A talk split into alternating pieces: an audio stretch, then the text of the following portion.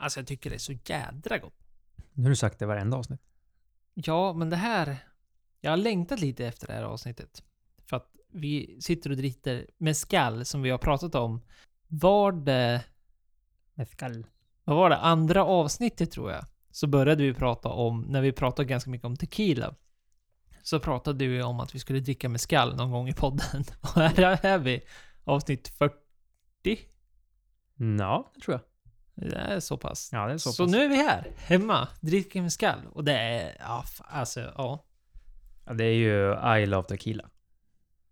Det är ruggigt gott alltså. Men det är inte för vem som helst.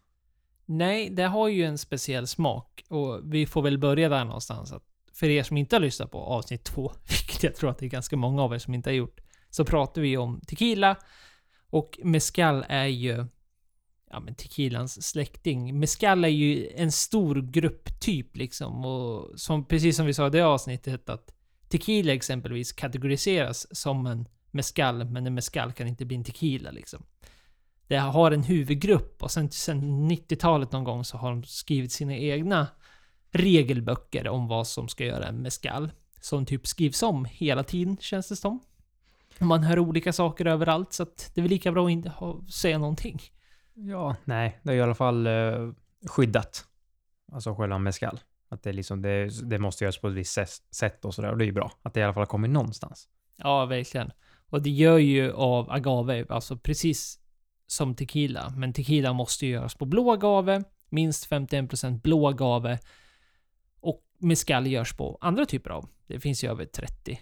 Ja, det finns ju hur många olika sorter som helst, men jag tror de vanligaste är så här är typ 30 olika agavesorter. Och vi dricker från Osaka, eller Osaka, eller hur, hur tror man uttalar det här? Ofaka. Oaxa. Oaxa. Oaxa. Det är i alla fall det vanligaste området i Jalisco är ju tequilan. Men eh, det här är det vanligaste området. Osaka, Osaka är det vanligaste för eh, mezcal. Där alltså agaven odlas. Och agaven tas ju sen ur, man hackar bort alla löv för det ser ut som en stor typ ananasplanta med, med massa saker som sticker upp, typ kaktusliknande. Man hackar bort dem och sen eldar man skiten. Så man slänger ner i i en grop, täcker över gropen och sen slänger man i kol eller vad det nu kan vara och sen tänder man eld. Så låter man den ligga där och gotta till sig och bränna. Och det är det som gör att meskallen får en väldigt speciell karaktär till skillnad från tequila som ångas. Det bränns inte. Och det är därmed man säger då att mescal är en rökig tequila. Är det många som generaliserar det som. Och som du sa, det är Aile av eh, agave spirits. Det är ju alltså, när man luktar på den initiellt, alltså så luktar det ju rökigt långt ifrån. Så någon som kanske har druckit eller vet någon som häller upp en rökig whisky, man kan, den kan stå på bordet och man känner lukten av den. Lite så är det ju, men sen när man väl liksom luktar nära känner man att det inte är whisky, det är något annat. Fantastiskt kul. Ja, agave har ju en väldigt direkt smak. Har du druckit mezcal själv någon gång eller om du har druckit tequila eller någon agave-sprit så vet du vad vi pratar om. Har du inte gjort det så är det lite av en upplevelse du har kvar att se fram emot. Och det som ska sägas också att det finns ju, precis som tequila så finns det olika Reposado, Anejo och Grand Anejo. Och vi dricker en eh, Espadin, vilket betyder precis som silver eller bianco va? Säger man. Ja. Alltså att den är helt olagrad. Den Mm. är upp till två månader eller vad det är. Så den här kommer alltså direkt från destillatet. Det är ju kul. Det är, alltså, det är annorlunda. Det är som är roligt med den här podden nu, att vi har provat så mycket som är annorlunda. Som, man är, som vi har sett. Vi har ju druckit mezcal tidigare. Och eh, har ju hittat det här. Oh, men det här är intressant. Men det är första gången vi dricker i podden och det är väl... Är det den andra eller tredje vi dricker? Totalt.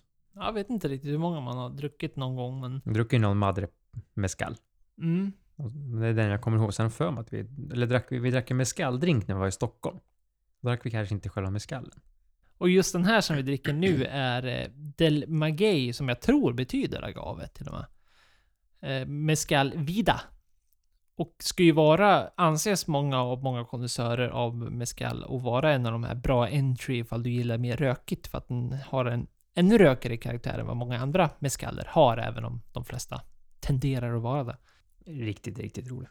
Kostar 32 kronor på Systembolaget. Finns tillgänglig att beställa.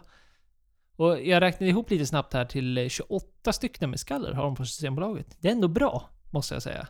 För en dryck som är väldigt uppskyrd.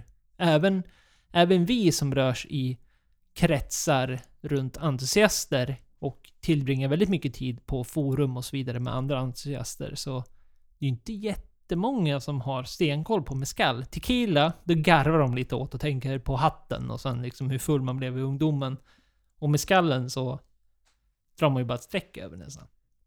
Ja, lite så. Systembolaget har ju blivit bättre på att ta in från andra sidan Atlanten. Det, räcker att titta på till exempel så här bourbon-segmentet och öler och viner från USA och eh, Sydamerika.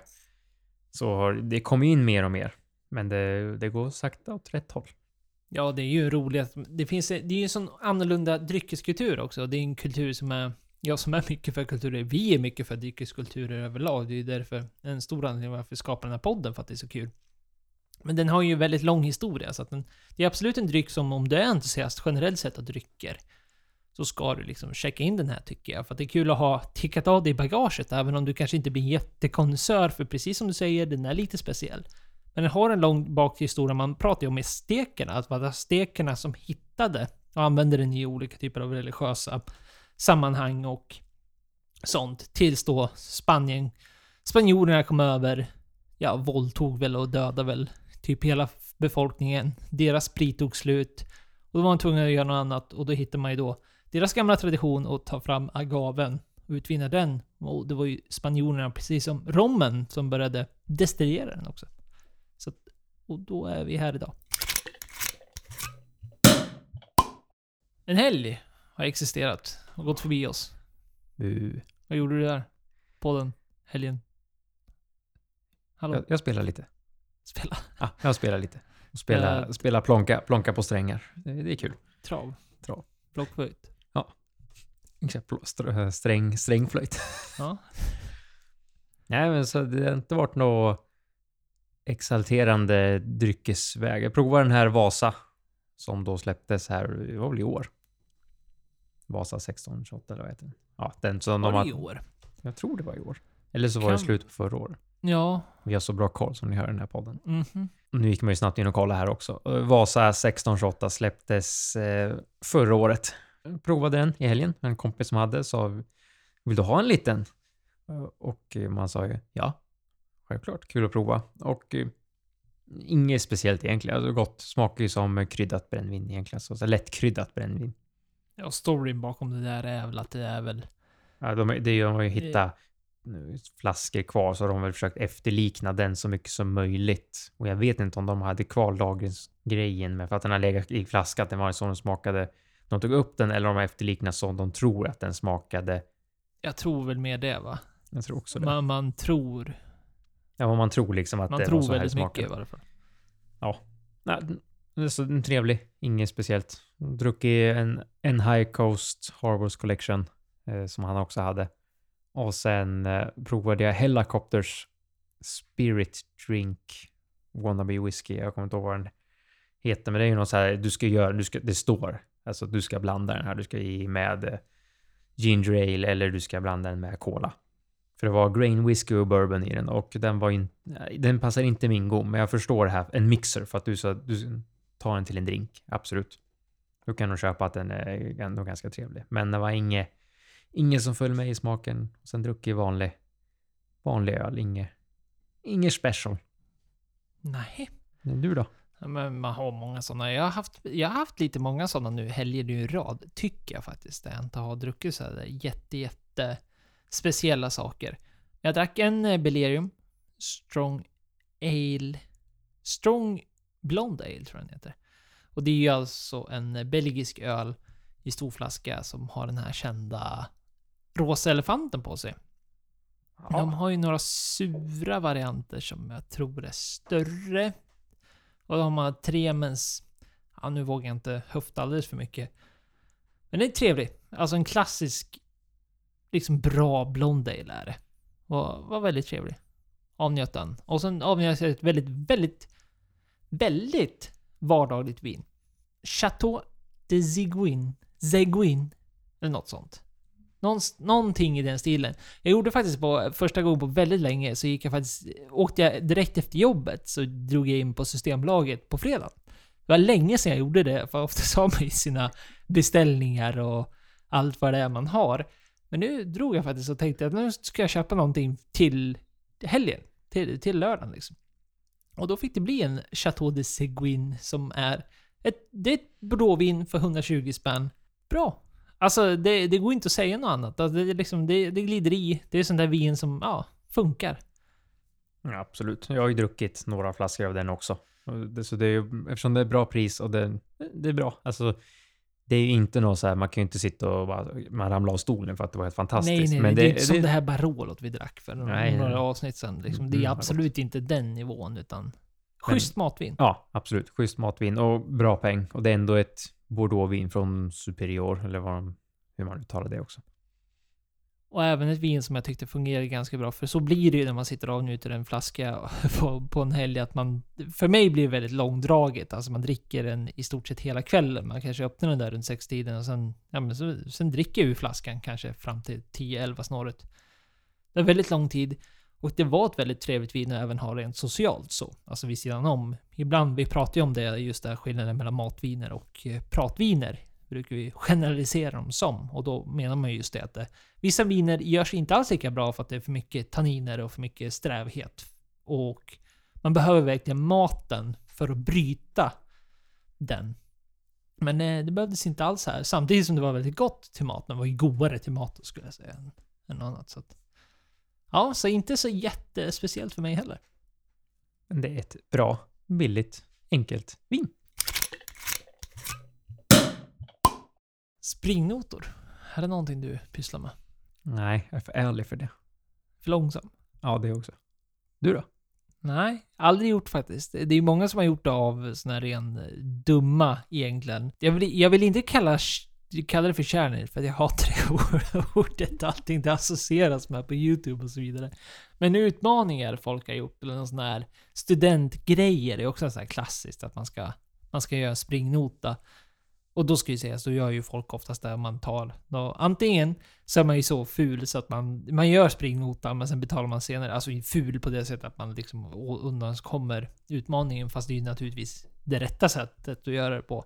Eller så beställer ju folk in och en stor stark och sen kutar man efter det så att det försöker minimera även om det är fel. Jag uppmanar inte folk att göra springnota. Jag hade gjort den. Nej, jag är alldeles för ärlig för den. Och så tror jag, en, den den närmsta man kommer springnota, den är kompisen säger jag köper den här så köper du nästa, sen blir det ingen nästa. Det är väl den närmsta Ah. springnotan från sin kompis man kan ta. Ja, okej. Du gör en sån här, jag är trött. Ja, jag swishar sen. Ja, klassikern. Swisha sen. Och sen vaknar man upp dagen efter och är den kompisen som betalt så kommer man inte ihåg att den man... Ja, den, den funkar ju säkert. För Ja, folk som vill vara mygla. Ja, den, den kör jag på.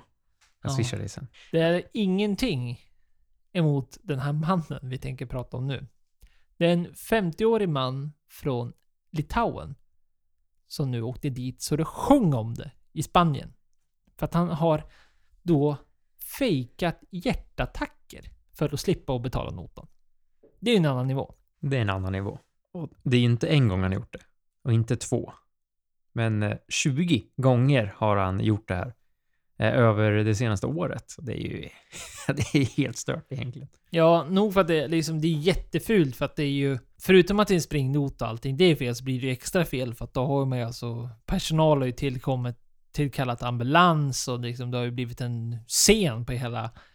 Hela, hela stället som kan nog upplevas som kanske är traumatiskt för vissa i alla fall ifall man tycker sånt är jobbigt och allt vad det är. För att inte tala om att han tar upp värdefull tid av vården som absolut inte behövs för den här puckot. Samtidigt som man tycker det, så kan man ju också tycka att det måste ju vara väldigt komiskt. Jag förstår inte riktigt hur, hur det har gått till. Som, de tar ju fram det här att han åkte dit i Alicante, var han, senast. Och han åkte dit. Och då hade han beställt in en whisky. Två whiskys hade han beställt in. Och han hade beställt in mat för totalt 35 euro. Vad blir det ungefär? Typ 450 spänn? Ja, något sånt där. Nu när svenska kronan är så himla låg. Ja, och, men det är ju inte så där jättemycket pengar kan man tycka heller. Alltså för om du är, alltså det känns rimligt. Du är på en finare restaurang, du käkar mat och du beställer in två whiskys. Det är inte så mycket att gnälla för. Men då hade han alltså försökt lämna det här stället. Servitörerna, eller servitriserna, hade då stannat han. Och liksom, ja men, nej men det är dags att betala. Grabben. Eller något liknande. Det hade han inte köpt. Så att då hade han försökt igen liksom att bli mer så att, nej men... Han påstod sig att han skulle gå ut och ta ut pengar, alltså ta ut kontanter för att sen komma tillbaka. Och det köpte de inte heller. Och då, när inte det funkar, så hade han alltså lagt sig på golvet och, och låtsats haft en hjärtattack. Återigen, man kan tycka två saker samtidigt. Så att det är ju... Det komiska i det här blir ju att det måste ju se väldigt speciellt ut. Man önskar ju att det skulle vara, borde en, finnas en film på det här, eller hur? Ja, det skulle ju vara jätteroligt att googla, googla fram en film och sen när de ser när de liksom, de går inte på det utan de liksom kör på. Så kommer polisen och tar han så ska han väl sätta sig upp och så ser man att det är inget fel på honom. Alltså verkligen det här shame. Ja, eller, eller om man liksom... eh, Eller om man hade gått på det. Eh, oavsett så hade jag bara tyckt att det var roligt att se hur det skulle... För, för han, är ju, han, han har ju ändå gjort det 20 gånger, så han kanske är ganska bra. Det är kanske är få som är lika bra på att fejka en sån här sak som han är. I det här laget. Det finns ju folk som sätter det här i, sätt, alltså i rullians i Sverige också på restauranger eller framförallt butiker när de går in och tar någonting. Och sen går de till kassan och säger att de har pratat med chefen om de ska få det eller att de ska göra återköp utan kvitto. Lalala. det, är, så det är ju folk som bara gör det här för att de vet att de kan. Undrar, undrar vad som fick honom att börja med det här. Varför just hjärtattacker? Jag menar, det, det måste ju finnas så mycket enklare saker menar jag. Att fejka. Eller liksom hitta på. Om man då går i den längden som man ändå gör och, och ska bluffa sig ur en nota så måste det finnas mycket enklare sätt än hjärtattack. De tänker på annat, de släpper det och de ringer ambulans för att de vill inte att han ska dö. Alltså man kan man fejka något annat så väntar de väl att man ska få ont i magen eller något, gjort illa benet, det skiter de i. Jag tror att hjärtattacker är det enda som folk reagerar på och kanske får det här. Nej, men det här är allvarligt. Det här måste vi liksom ringa någon för. Vi måste liksom hjälpa honom. Men det finns något dra dramatiskt bakom det. Det måste finnas någon sån här attention. Attention Eh, whore. Ja, av Guds nåde lite grann. Ja, faktiskt. Ja, jag vet inte, man, alltså jag blir nästan bara irriterad när jag ser sånt där. Ja, men det är klart man blir det. Men det är, det är ändå... Han åkte ju dit ska vi säga. Och det är ju då för att ryktet hade ju gått här i Alicante eftersom det var då 20 gången han hade gjort det här. Och dragit samma, exakt samma show för 20 gången så gick ju... De, de gick ju inte på det helt enkelt. Och istället för att ringa ambulansen så ringde de ju polisen. Som då efter ett tag kom och nu sitter han då i häktet. Så får vi se vad som händer med den här mannen i Alicante. Michelin! Millennium. Långburk. Mm. Ut på auktion. Bu- Bukowskis. Från 1928. Eller 26 eller vad 26 fan. här, ursäkta. Förväntas att eh, dra in 1,2 miljoner pund i Bukowskis Sverige. Ja, de två åren gör nog mycket på en Millennium långburk. Jajamän, nu ser ni här. Det För att här. få det här riktiga, riktiga umfet. Och för att inte ta så har ju någon faktiskt ritat på den här burken också. Mhm. Ja, det är en konstnär. Så att eh, nu är det bara för folk att eh, öppna upp plånbokarna och börja buda. Och de som vill gå för något billigare så har ju Macallan. Adami 1926 som då är dessutom målad av, är han Peter Blake? Nu blev jag osäker på konstnären här, för mig det, för det är i alla fall den han jobbar med mycket nu. Den är en målad flaska, den har gått för otroliga, äckliga summor. Och den ska ut på auktion igen, finns inte så många flaskor kvar. Eh, och de tror ju att priset borde gå för runt 1,2 miljoner pund. Alltså det är helt stört. löjligt mycket pengar. Och varför man tror att just den här, dels så är det väl med tiden då, att det var ju 2019 som du nämnde som senast när jag kom upp på auktion och slog ett nytt rekord då. Och den har ju inte varit uppe sedan dess, men grejen med det här är väl då att Kirsten Campbell, som då är Master Distiller eller, eller Master whisky Maker, beroende på vilken terminologi man vill använda. Hon är ju jag väljer att kalla det för Master whisky Distiller på Macallan. Så att hon har ju då alltså verifierat att det här är en äkta flaska. Så har väl signerat massa dokument som då säger att det här är helt autentisk. Allting är okej med den här flaskan. Det är the real deal. Och det är klart, det gör ju jättemycket. För att då har ju, förutom redan ett stort värde rent samlingsmässigt för den här whiskyn så har det ju alltså etablerat en eftermarknad som liknar ju ingenting hittills. Även om de, de som väl sålts är 19 också. Men det här är ju väldigt svart på vitt och väldigt dokumenterat och väldigt understryket och väldigt... Jag vet inte hur man ska säga det, men väldigt formellt liksom. Officiellt att De, det här de, har är the ju, real deal. de har ju faktiskt fixat flaskan också. Det framgår ju här när vi läser i The Spirit Business. De har ju bytt både capsule och korken. Eh, Och även li- limmat dit kanterna på flaskan som har börjat släppt. Och sen har de även tagit ut en milliliter för att testa det mot en annan eh, Macallan från 1926.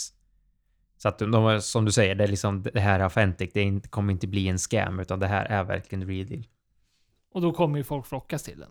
Samlare, entusiaster, folk med miljardärer är det väl. Det, något annat finns det väl inte. Ja, det, det är det vi... Alltså, det, är, det är inte jättekul, det blir lite reparativt. Jag tycker det är lite kul med auktioner och se lite vad det går för, men det, jag förstår att det är inte alla som tycker det. Nu, nu vankas det ju också ett rekord. Så nu tror jag nog att Mm. även, även de som tycker sånt där är skittråkigt, jag tror till även de blir lite så här: okej. nu, det, är- för det här kommer ju... Eh, Ska vi våga betta någonting? Ska vi betta? Ska vi... Ja, det kan vi. En, en, en, en shot. På att det står rekord. Jag tänker inte köpa någon Fernet, då går vi på krogen och köper den. Ja, ja, på krogen får det bli. Men vi tar en varsin Fernet shot ifall det här står inte rekord. Ska vi Om ta den inte slår vi, rekord. Ja, ska vi gå så långt? Ja, om den slår rekord då tar vi en whisky shot istället. Det, ja, så gör vi. Mm. Så 1,2 miljoner. Den ska komma över 1,2 miljoner pund. Mm. Det, det, kom igen nu, Kom igen, lyssnare. kom igen. In och ja. Nej, men eh, det grejen med det här är ju liksom, alltså vad är det för folk som köper det? Och det är ju som du säger, det är investerare, eller så är det entusiaster, samlare, eller folk med bara för mycket pengar som inte vet vad de ska lägga på. Jag tror två av dessa. Jag tror det är entusiaster som har för mycket pengar. Nej, investerare som har för mycket pengar. Det tror jag det är. Jag tror det är... För man måste ju ha så mycket pengar så att man ändå... För det är ju en investeringsflaska, så är det ju. Och så är det ju liksom en kukmätartävlingsflaska också. Det här är ju Flex. Fleck, flexets fläsk. Fle, fläsk, flex. Flex. Det är, men det är liksom, det är en trött gammal kapitalistgubbe i USA som kommer köpa den här, tror jag. Som bara kommer ha den och liksom... Eller, ja. eller en asiat. Ja, det är faktiskt sant. Det, det är högst roligt. Men jag har ju de andra tre, så jag skulle behöva en till i min samling så att liksom den blir komplett. Ja, just det. Så du kan öppna två. Ja, så jag kan öppna två. Så kan jag sampla två. Ja, ja men det är bra. Nej, men annars är det ju den här samlaren som har den största Macallan-samlingen eller de här most rarest and most expensive bottles som eventuellt budar på den här också. Men det är ju frågan om den personen går bet på att det sitter någon, som du säger, någon för rik investerare på, som bara har pengarna och bara jag skiter i vad den kostar, jag ska bara ha den. Ja, samtidigt som att jag tror att så tror inte de tänker, en investerare tänker inte så.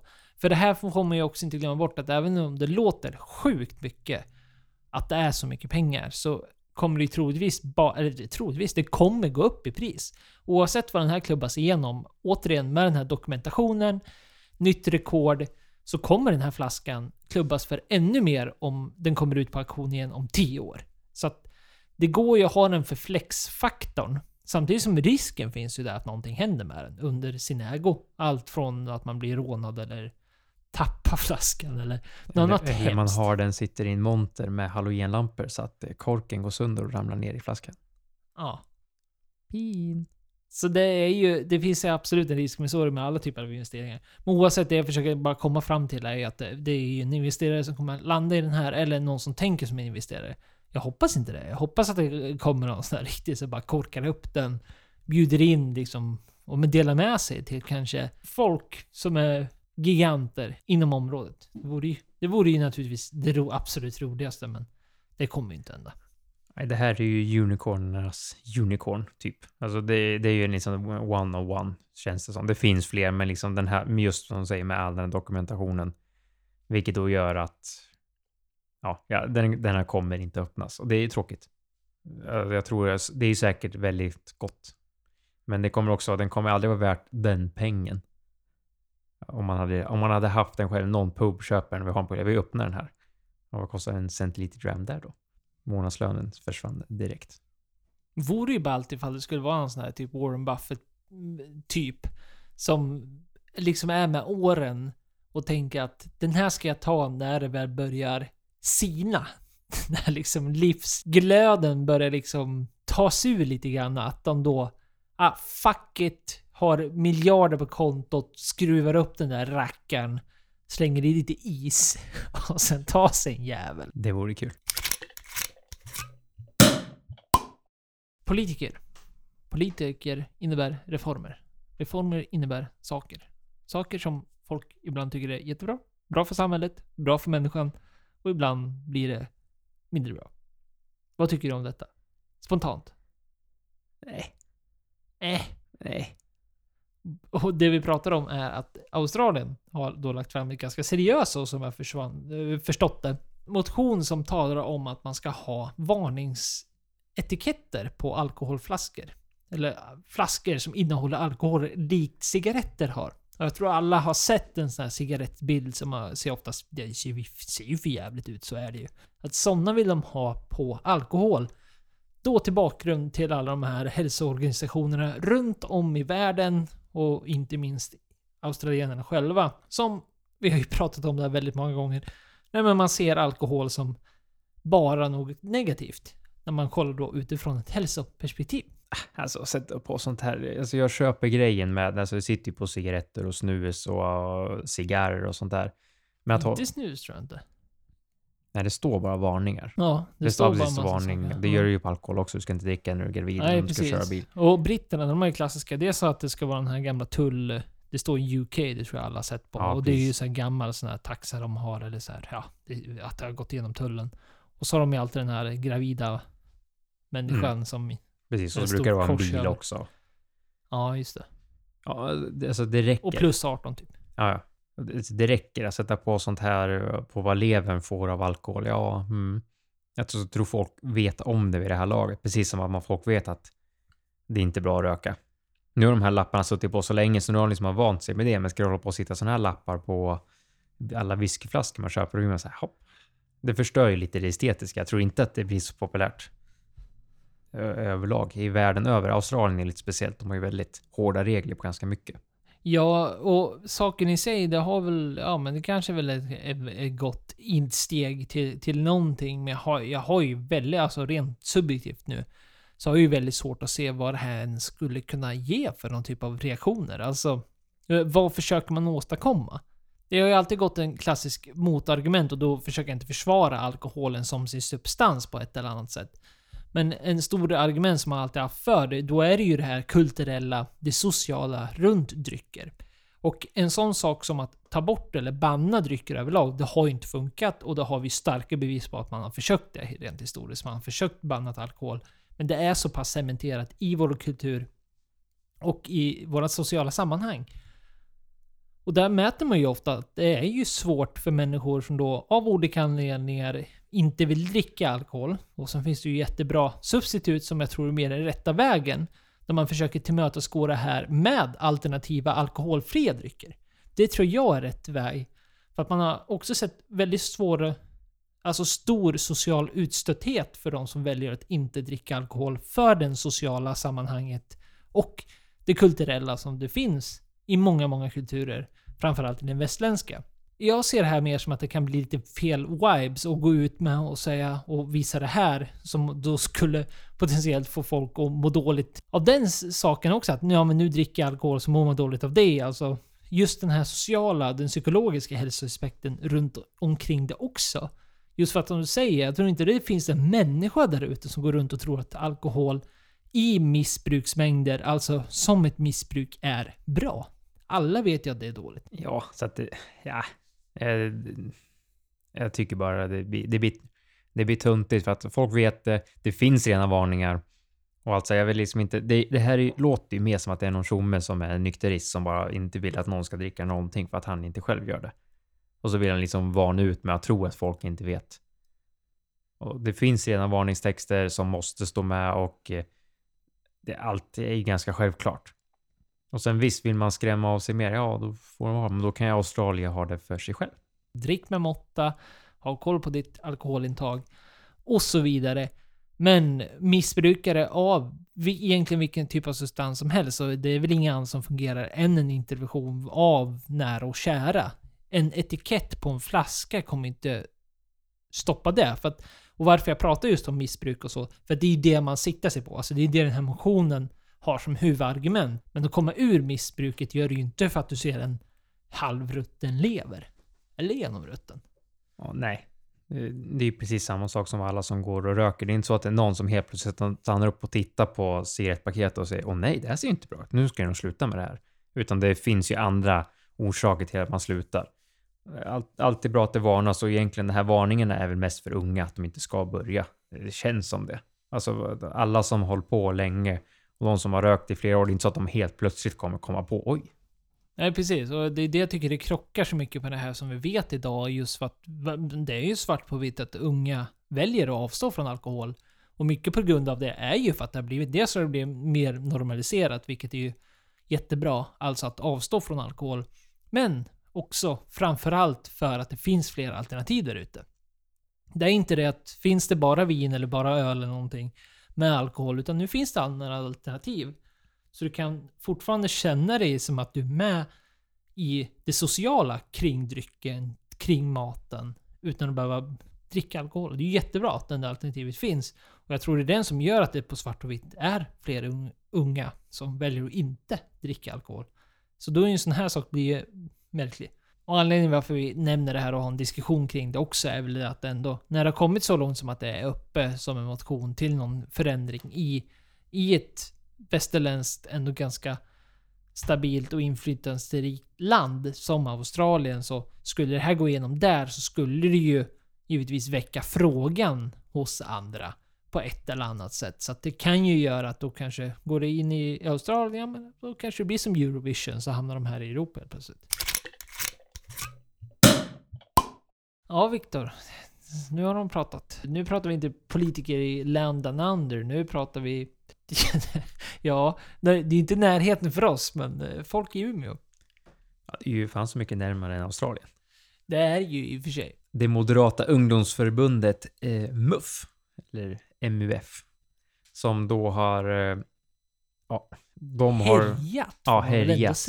Ja, de, de vill få igenom det här som vi har pratat om de här senaste åren, senaste avsnitten, med att eh, de vill ha Shield, öl och dryck på systemet. Ja, nu är vi inne och läser på både Aftonbladet och Sveriges Radio. Eh, de vill ju att andra aktörer ska få sälja alkohol, vilket då eh, är ju att de vill slopa systemets alkoholmonopol. Och sen vill de ju även eh, ta bort det här matkravet eller ändra reglerna ganska rejält så att det blir en förändring. Ofta det händer saker. Det är därför jag väljer att benämna det som, som att härja. Är ju just att eh, ungdomsförbund, eh, oavsett vilket typ av politisk parti de ligger bakom, brukar ju ha ganska så här, ja men nu gör vi förändringar, hej och hå, och så nu kör vi liksom den typen av attityden. Och sen slutar det alltid när de väl kommer upp i partiet och får väl, får väl andra tryck runt om sig och allt vad det är. Och det är väl vad det är med det. Men ja, jag vet inte. Eh, det, vad tycker du om det här med kyld öl? Eller kylt överlag på Systembolaget? Alltså det är ju, allt beror ju på situation. Det är ju e-, egentligen ingenting jag saknar. På riktigt. Men eh, man kan ju hålla med det här. Typ, ja men springer in på systemet. De gångerna typ man har varit i Stockholm. Eller Göteborg eller någon annan storstad. Om man kommer dit så går man in på system och köper några öl för man ska ha typ hotellrum innan man ska ut eller något sånt där. Det är väl den gången jag saknar att ha någon kall öl och kunna dricka då för att, än att dricka ljummen. Men annars det är inget så jag sitter och suktar efter och tycker varenda gång jag går dit och vad tråkigt att det inte är kallt. Hur känner du? Nej, jag, jag tycker exakt samma sak. Alltså, jag, jag, det, det är väl lite av en dålig idé kan jag väl också tycka. Det blir ju verkligen det här att det, ja men står det ett rad långburkar på kylning liksom. Ja, men man fattar ju vilken typ av publik som kommer ta den ölen. Och eh, visst, det, en kall öl är oftast godare än en varm. Så är det ju bara. Det går inte att säga något annat oavsett vilken sida av det här du, du står på. Så jag vet inte riktigt. Och vi har ju som ölstudion i Göteborg som har kyld öl. Men det är ju för att den då ska kunna hålla sig bättre och ska stå i en mer kyld temperatur. Alltså det finare öl som då ska stå där Som då inte är en långburk du går in och greppar tag och du går ut och sen knäpper direkt. Eller på ett hotellrum som du säger eller någonting. Samtidigt som jag håller med dig. Visst skulle jag älska, personligen, skulle jag älska alternativet. Och kunna plocka upp en kyld öl när man är på språng. Sådär. Men det är ju väldigt, väldigt sällan, och det är väldigt sällan jag ser det som ett problem att stoppa ner en, en öl i kylskåpet och sen vänta tills den är kall. Om man nu vill ha en kall öl. Så det är sällan det här blir ett problem. Så jag måste väl ändå säga att just det här med kyld öl, jag, jag ser tyvärr mer problem med det än positiva saker. Ja, det skulle absolut leda till en högre alkoholkonsumtion fortare för att folk skulle gå in och köpa en kall och sen gå ut och typ öppna den direkt utanför bolaget. Typ så fort skulle det gå på en del ställen. Så att med det, på just den fronten så kan jag hålla med. Och sen är det samma sak med viner som ligger kylda. Ja, köper du ett dyrt vin och den står i hyllan under en, ja, en eh, fel ljuskälla så att den liksom den blir fel lagrad på första början, då blir man ju inte heller jätteglad. Så det, ja, för lagringhetens skull, eller lagringens skull, så absolut. Ja, i alla fall på det, på det korta sikten. Så Ja, säga. absolut. Det går ju också att argumentera att är, privatpersoner har generellt sett väldigt mycket alkohol hemma hos sig. Och det, visst, jag har inget belägg för det här eller någonting. Men man kanske skulle kunna dra argumentet för att varför det är så att svenskar har väldigt mycket alkohol hemma är för att Systembolaget har dåliga öppettider och för att de serverar varm öl. Så att folk är mer benägna att köpa i bulk och i större mängder för att då kunna ha hemma, för att då kunna kyla ner det, för att Systembolaget inte har öppet. Vilket då i praktiken skulle kunna öka tillgängligheten av alkohol av folk. Vilket kanske då går emot Systembolagets incitament om att man då vill dra ner på alkoholkonsumtionen. Så kanske det finns den vinkeln. Återigen, inget belägg för det här eller evidens eller någonting, utan nu spekulerar vi ju bara. Det är ändå de tre viktigaste frågorna de tog upp och de tre frågorna vi har diskuterat i den här podden i tidigare avsnitt. Och det är ju också som du säger för att härja. Kylda drycker är ju ett stort argument. Eh, och även gårdsförsäljning som de tar upp. De skriver inte gårdsförsäljning, men det är det de vill att andra aktörer kan sälja alkohol. Och även så tar de ju upp Kravet. Om mat, eller matkravet som man säger. Kravet på kök och mat, heter det väl? Men man säger ju oftast matkravet. Ja, och det, alltså, det, är ju, det är ju viktiga frågor. Och den har ju vi pratat om för inte så länge sedan, just det här med matkravet. Ja, det är avsnitt 33, ifall du vill gå in och lyssna på det, så, så diskuterar vi just det här med krav på mat och kök. Det viktiga där är ju det här med man måste ha kök och så här, men hur svårt det gör för andra aktörer. Det här borde ju vara den som egentligen borde lättast kunna lyfta.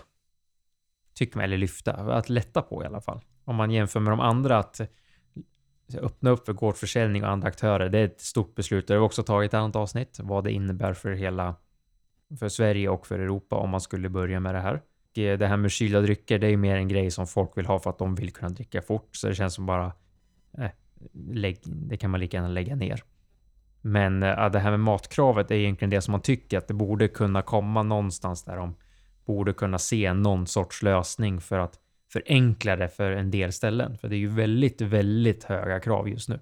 Ja, och det pratas ju runt om i olika typer av politiska partier av en större umf än vad en stämma av MUF i Umeå har gjort. Så att det, där är ju många väldigt överens om att eh, krav på mat och kök är en gammal idé som, ja, ställer väl till det väldigt mycket för näringsliv och eh, så som folk lever idag.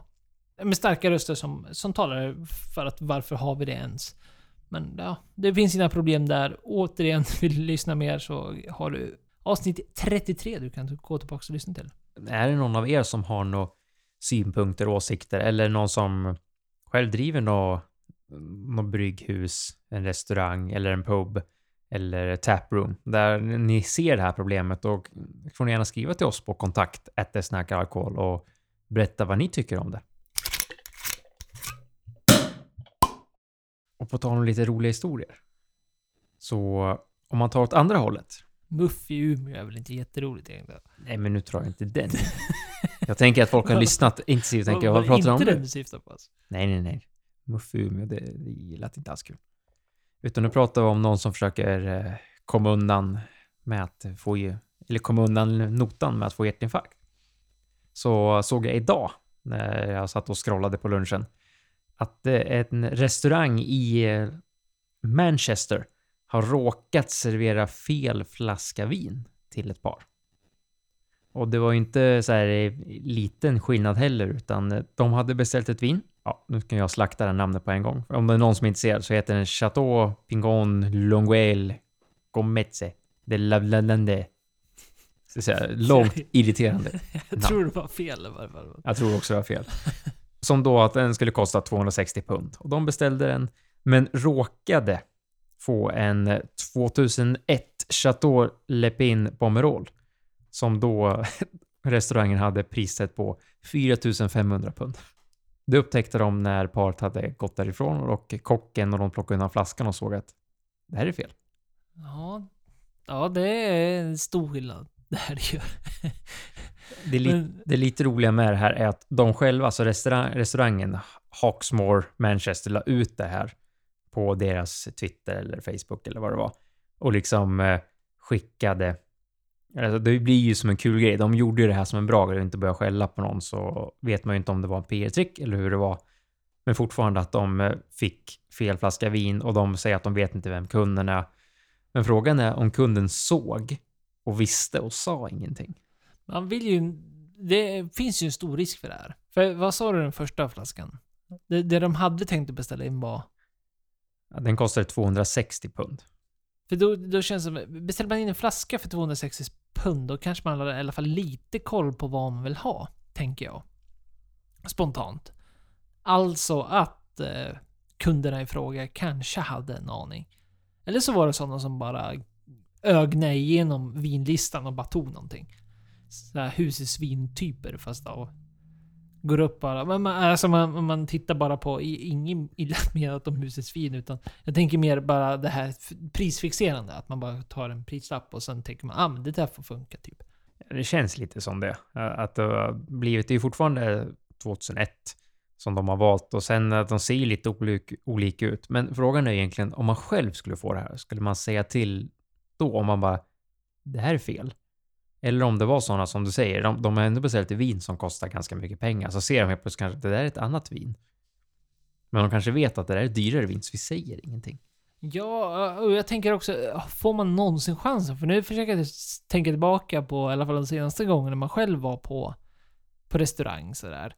Och det är ju sällan man ens får chansen, utan de tar ju flaskan, man beställer det vin man vill ha och så kommer de ju och sen liksom sen öppnar de ju upp flaskan direkt. Liksom, och sen blir det ju det här klassiska, de häller upp och så får du dofta ifall det är korkat eller inte.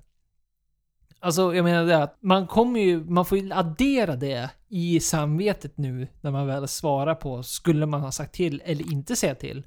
För troligtvis så märker du ju alltså när hovmästaren eller sommelieren häller upp vinet och du ser etiketten där och då, för att den ska ju synas till dig som, som, är, som är gäst.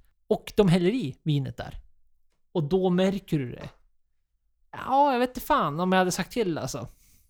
Hade, hade du det? Eller jag vet inte. Nej, jag, jo, vet inte nej, heller. jag tror inte man har gjort det. Jag hade nog mer sagt till om jag såg att det var fel åt andra hållet och man visste att man, till exempel här, alltså man har inte så bra koll. Vi är inte så bra på vin så vi hade sett den här skillnaden, men om man vet till exempel om vi tar i ölväg, vi säger att ah, men vi, var, vi båda beställer en, en Poppels Personal, Ale, de kommer ut med en Norrlandsburg. Vi skulle bara, vänta, det här är inte rätt. Vi, alltså, den reaktionen skulle man ha.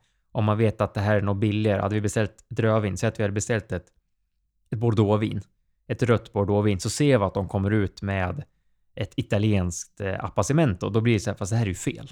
Det ser man ju alltså direkt på, på flaskan och allting. Det hade man reagerat på. Men om de kommer ut med ett annan som ser likadan ut, ja, det hade jag nog inte reagerat. Nej, det hade man säkert inte gjort nej. Men om man nu, även om man skulle leka med tanken att man har koll, så kanske man hade sagt till ändå, tänker jag nu. För tänk dig då att du beställer, jag menar det är som att ta för, fast för en human plånbok. Du beställer ett vin för, inte jag, 600 spänn. Det skulle räcka med att du har ögnat igenom den här vinlistan, håller koll på, så häller de upp ett vin som kostar, ja men, 2000. Men då kanske man hade sagt till det av den anledningen menar jag. För att en nota är ju en nota. Du får ju oftast betala den, eller oftast nästan alltid om, om du inte är på någon sån här typ sportbaraktig sak. Så får du ju betala efter du har fått den grejen. Alltså efter maten, efter drycken. Och då vill man ju inte att det ska råka... man- man- då, I det läget menar jag, man vill inte råka få en nota på ett vin för 2000 spänn. För i det här fallet så insåg ju restaurangen det efteråt och det var ett genuint misstag av restaurangen. Då får de ju äga det misstaget. Som konsument hade jag ju kanske då velat försäkrat mig att okej, jag tänker inte betala för det där. Absolut, för det var inte det man beställde. Om de har tagit fel och sen smyger de in den sen, då hade jag också blivit väldigt irriterad.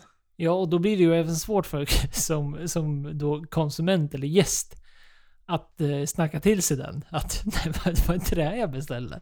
Jag beställde inte vin för 2000 spänn, säger vi. Ja, den är svår, men nu, nu när jag väl tänker efter så hade jag nog sagt till. Jag tror det. Hade man haft pengarna, absolut. Är det väl så man tänker. Det var kanske så de tänkte då. Alltså att de hade pengarna och tänkte ja, vi får väl se vad som händer med det här. Alltså det är fortfarande stor skillnad från var 230 till 4500 i pund. Ja, det är jävla skillnad. Det är inte det här, ah ja, skitsamma.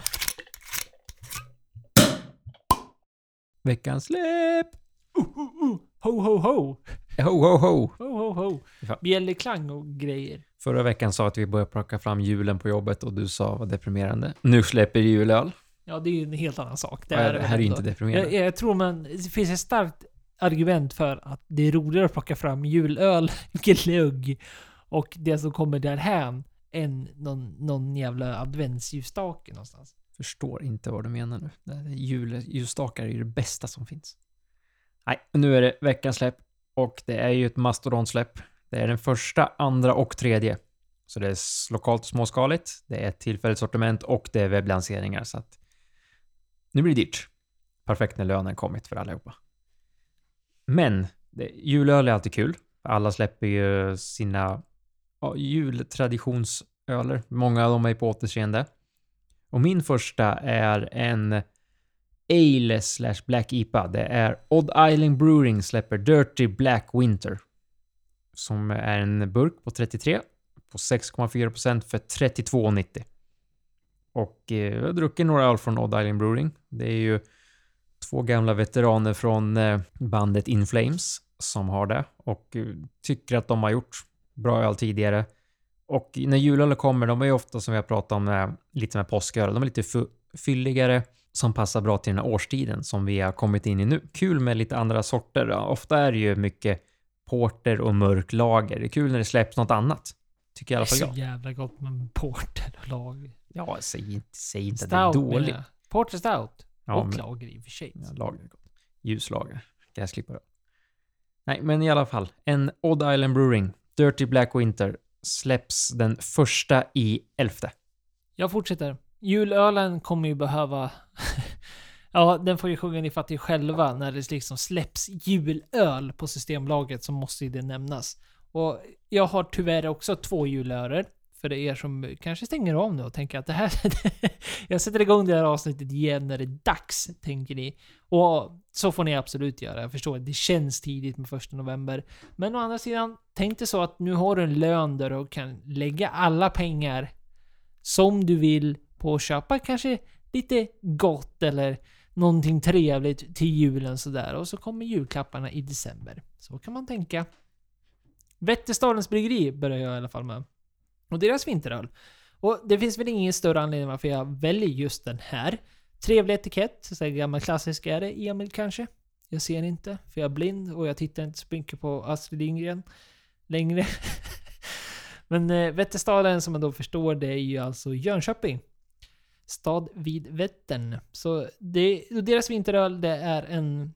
Det roliga med den här, för att jag inte druckit den, tror jag. Det är ju mycket av det här som man har druckit under sina år. Framförallt om det är såna här som de, de släpper eh, årligen. Även om de kan skilja sig mot batch to batch, skitsamma. Men just den här så tänkte jag, för Systembolaget klumpar ju alltid ihop sådana här ölstider. Så nu säger de porter och stout, så som de brukar säga. Söt porter och stout. Och sen då gick jag nu in vid Vätterstadens hemsida och där står det också porter stout. Så att vi ja, porter stout då. Det är ju väl i och för sig typ samma sak i sin bredaste generalitet. Jag tänkte säga, nu är, det nu, nu är du ute på hal is här. Sitter Porter och Stout-entusiasten bara papp, papp, papp, papp, papp. Ja, men det, alltså ja, ja men det, det, liksom, det är ju väldigt, väldigt gott i varje fall. För, för smaklakarnas sak så är det ungefär typ samma sak. 5,8% kommer kosta 40 kronor, ha en sån här omiljövänlig kork som är frän. En sån där som man... Med sån metall och en... Men det är kul. Ja. Det är något annat. Jo, men det behöver man på julen. När släpptes den? Julölsläppet den första november. Fint, fint, fint. Och min andra blir en whisky. För att skrälla ut alltihop så det bara går. Och det är Bergslagens som släpper sin Santa 2023. Oj. Och de brukar ju släppa sån här julwhisky med en tomte på. De har gjort några år nu och det... De har varit goda. Jag har druckit några av dem.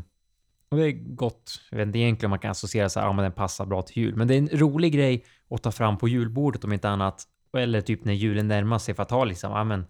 Vad ska du ha i whiskyhyllan? Du vill inte ha någon tomte där. Eller ha någon- innan släkten kommer. Ja, det viktigaste är att den kommer fram innan släkten kommer. Sen tar man fram sin Red Label när de kommer. Dricker alkoholfritt och låtsas som att man är en bra människa. Ah, det är den perfekta julpyntet i whiskyhyllan, vilket fall som helst. En liten arg tomte. En bra procent. 55 procent. Kul. Mycket bra. Kan behövas på jul också. Eh, är en flaska på 500 ml. Kostar 998 kronor och eh, säljs den första i elfte. Bergslagens destilleri i Örebro släpper Santa 2023. Jag fortsätter med till julöl. Som dock inte säljs på julölen, för julölsläppet där det är mycket... Ja, det är ju väldigt mycket svenskt, vilket är väldigt roligt. Men jag måste ändå få slå slag för belgarna. För att de gör väldigt, väldigt bra julöl de med. Den här släpps istället den tredje i elfte. Och det är Bruverge de Ranke Per Noël. Och jag tänker inte säga så det är jättemycket om den här ölen, för jag tror de flesta som är ölintresserade har smakat den här någon gång. Det är en jätteklassiker. Och just nu tycker jag det är kul att den kommer i en stor flaska, alltså en 750 ml. Den ligger på 7%, kommer kosta 97 kronor. Men det jag vill lyfta med det här är ju just den grejen. Vad jag kan verkligen rekommendera för er som har är ölentusiaster och du kanske har folk i släkt eller familj eller något sånt där som också gillar öl och köpa en sån här större julöl och prova. Det är skitkul för att belgarna gör såna här år efter år efter år i större flaskor. Som man liksom, man kan köra för varje år så kan man gå ihop ett gäng och bara prova. Eh, det är en riktigt rolig grej kan jag tycka och värt att hylla när det väl kommer såna här när man ändå, när man ändå träffas och ses.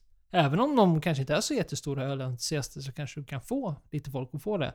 Och då är det ju framförallt att lyfta det här med en större flaska, alltså en 750 ml i det här fallet.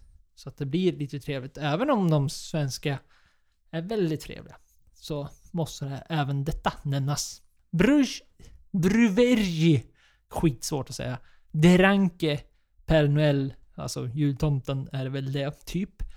97 kronor. Säljstart den 3.11. Jag måste ju bara tillägga på Bergslagen att jag glömde ju säga, för jag kom av mig lite grann, att det är ju en 11-årig whisky som är slutlagad på julmusk, julmusttunnor. Julmust cask finish står det. Så inte man missar det viktiga informationen. Tackar för att du lyssnade på detta avsnitt. Avsnitt 40. Fan med Ja, det, nu är det inte långt kvar till eh, jul jul. Ja, och sånt. sånt skit. Halloween först dock. Lyssna på våra senaste avsnitt ifall du vill ha lite tips på vad du kan göra till... Ja, det blir väl, blir väl häktigt blir det väl. För att det här släpps väl när det är dags, är det inte så kanske? Nej, jag vet inte fan. Oavsett så, vi tar Halloween först och sen tar vi lite Thanksgiving ifall man vill göra det och så vidare. Men sen är det jul. Har ni några frågor eller funderingar eller klagomål så kan ni höra oss till oss på våra sociala medier. Det snackar alkohol. Eller på kontakt snackaralkohol.com. Så hörs vi nästa vecka. Bye bye!